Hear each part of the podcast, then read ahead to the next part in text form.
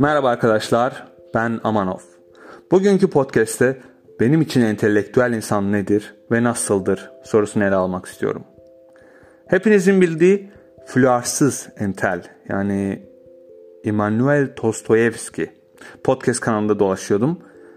Tanıtım kısmında biraz bu konudan bahsediliyor. Entelektüel insan nedir, nasıldır vesaire. Tam olarak dinlemedim çünkü böyle bir konuyu konuşmak istiyordum. Aklımda vardı kanalı kurduğumdan beri ve herhangi bir etki altında kalmak istemedim. Benim böyle hassas bir noktam da var. Belki saçma ama var. Bazı konularda direkt kulaklarımı kapatırım. Dinlemek veya görmek istemem. Çünkü o kadar güzel konulardır ki onları kendim düşünmek, kendim yeniden keşfetmek istiyorum. Hepimizin başına gelmiştir bence muhakkak. Bir şey düşünürsünüz sonra Google'da arama motorlarında falan aratırsınız. O vardır. Düşündüğünüz şey vardır. Birisi daha önce düşünmüştür. Şimdi kendimi övüyor gibi olsam da çok sık başıma gelen bir olaydı. Olaydı. Evet geçmiş zamanda şu aralar biraz durgunluk içindeyim. Bir de podcast kanalı açtığım dönemde olması saçma. Neyse. bir de şey var. Belli bir dönem kitap okumadım bir şeyler yazıp çiziyordum kendim. Diğer insanların fikirlerinin etkisi altında kalmayayım diye orijinal, otantik olarak sorgulayabileyim diye sonra tabii ki kaçınılmaz olarak okumaya geri döndüm ama yazımda yazımı da bitirdim. Şimdi geriye bakınca saçma bir şey olduğunu, saçma bir şey yazdığımı farkındayım fakat önemli olan oradaki düşünceydi bence ve ona saygım sonsuz tabii ki de. Konumuza dönecek olursak benim için entelektüel insan nedir? Bunu belki biraz varoluşçu, biraz seküler ve biraz neyse ne yaklaşımlarından ele alabilirim. Zaten bundan benim için ifadesini kullanıyorum cümlenin başında yoksa entelektüel insan nedir diye kısaca söyleyebilirdim. Benim için entelektüel insan nedir? Şimdi notlarıma bakıyorum. Birinci ee, biraz belki biraz klişe ama biraz açmak istiyorum bu konuyu. Entelektüel insan çok şey bilen insan değildir.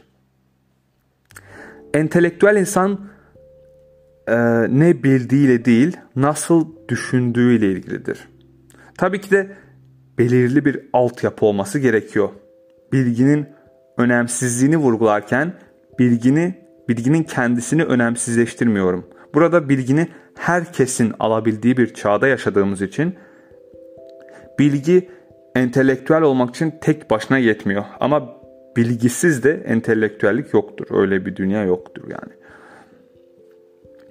Benim entelektüel insan tanımına en çok yakıştırdığım düşünce şekli böyle.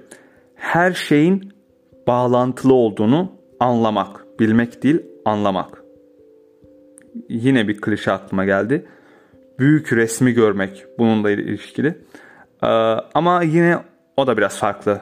Büyük resmi görmek değil, büyük resme bakmak. Çünkü görürsün, görmezsin orası ayrı konu. Çünkü görmek bir eylemin sonucu bence ama bakmak bir niyettir. Büyük resme baksan bence yeterlidir. Görmek belki zeka alanına da giriyor ya da orada görülesi bir şeyin olmaması durumu da olabilir. Hiçbir şey olmayan yerden illa bir şey göreyim diye göreyim desen hiçbir şey göremezsin çünkü yok. Şimdi büyük resme bakmak bundan ne kastediyorum? Mesela felsefe, psikoloji işte bu kanalın, bu podcast kanalının konuları felsefe, psikoloji, ekonomi, tarih, sosyoloji, sonra günlük hayattan trafik, pet şişe, biyo, biyoloji, tavşan, tavşanların sol gözü mesela çok uç örnekler veriyorum şu an. Trafik pet şişe, tavşanların sol gözü. Bunların hepsinin bir çeşit etkileşimde olduğunu anlamakta yatıyor bence benim entelektüel anlayışım. Daha iyi özetleyeyim. Veriler arasında, bilgiler arasında bağlantı kurabilme yeteneği mi desem, tırnak içerisinde yeteneği. Örnek vererek tam açıklamak istemiyorum. Bunu kendiniz de düşünebilirsiniz. Bu şeyler arasında bağlantı kurmak nedir, nasıl olur veya ama atıyorum şu an mesela ilk aklıma gelen saçmalıkları söyleyeyim. Ekonomi insansız ekonomi yoktur mesela. Ekonomisiz az önce dediğim örneklerden yola çıkarsa ekonomisiz trafik yoktur. Trafiksiz pet şişe yoktur vesaire. Bu maddelerin her biri her biri diğerini barındırıyor.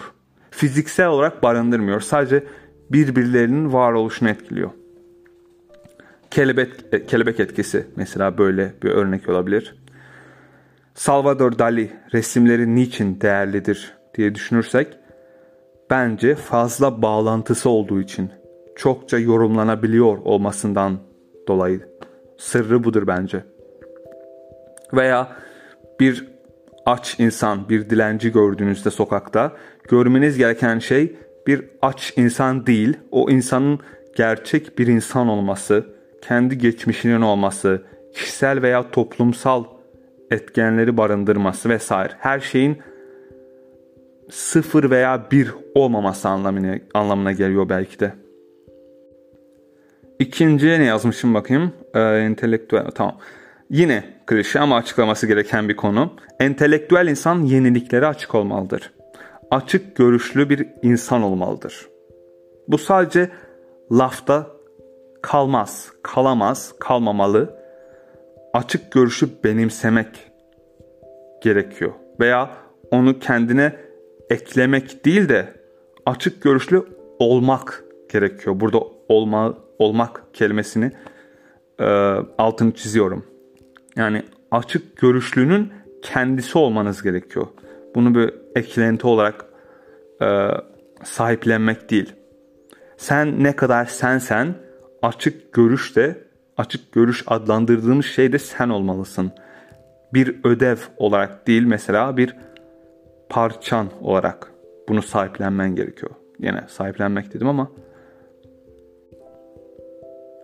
Üçüncü Evet bu da önemli. Entelektüel insanın düşünme şekli esnek olmalıdır. Düşünme şekli esnek olmalıdır. Düşünceleri demedim bak.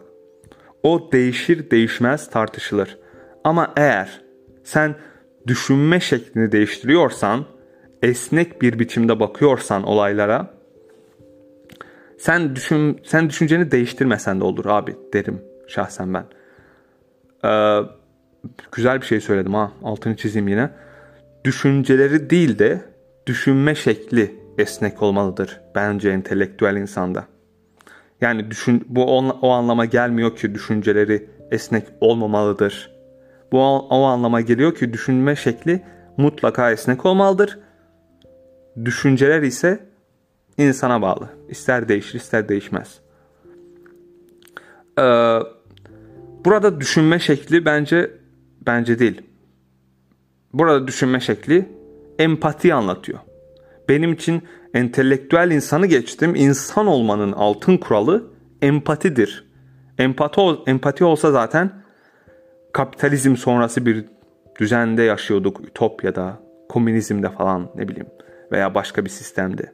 Empati olsa insanlar hırsızlık yapmaz, cinayet işlemez. Dolayısıyla hapishane gibi özgürlük kısıtlayıcı, saçma, insanlık dışı kurumlar olmaz. Böylece otoritenin var olmasına gerek kalmaz. Ve belki de yeterince empatimiz olsa Tanrı buluşu hiçbir zaman hayatımıza girmezdi, sirayet etmezdi. Ve kaybettiğimiz net, bak net 2000 yılı daha verimli geçirebilirdik. 2000 yıldan daha fazladır, 3500 yıl falandır fakat net olarak 2000 yılı kaybettik. Şu an 2021'de değil de 4021'de yaşadığımızı düşünün. Zaman olarak yine 2021'de kalırdık. Fakat bireysel ve toplumsal zeka olarak 4021'de olabilirdik bence. Hipotez sadece. Dördüncüye geçeyim mi? Bu bölüm çok uzadı ben bence. Ee, bundan ikinci bölüm de çıkarırım. Şu an onu düşünüyorum kafamın bir kenarında. O yüzden kendinize iyi bakın. Bu bölümün ikincisinde yaparım büyük ihtimalle. Sağ ol. Takip etmeyi unutmayın.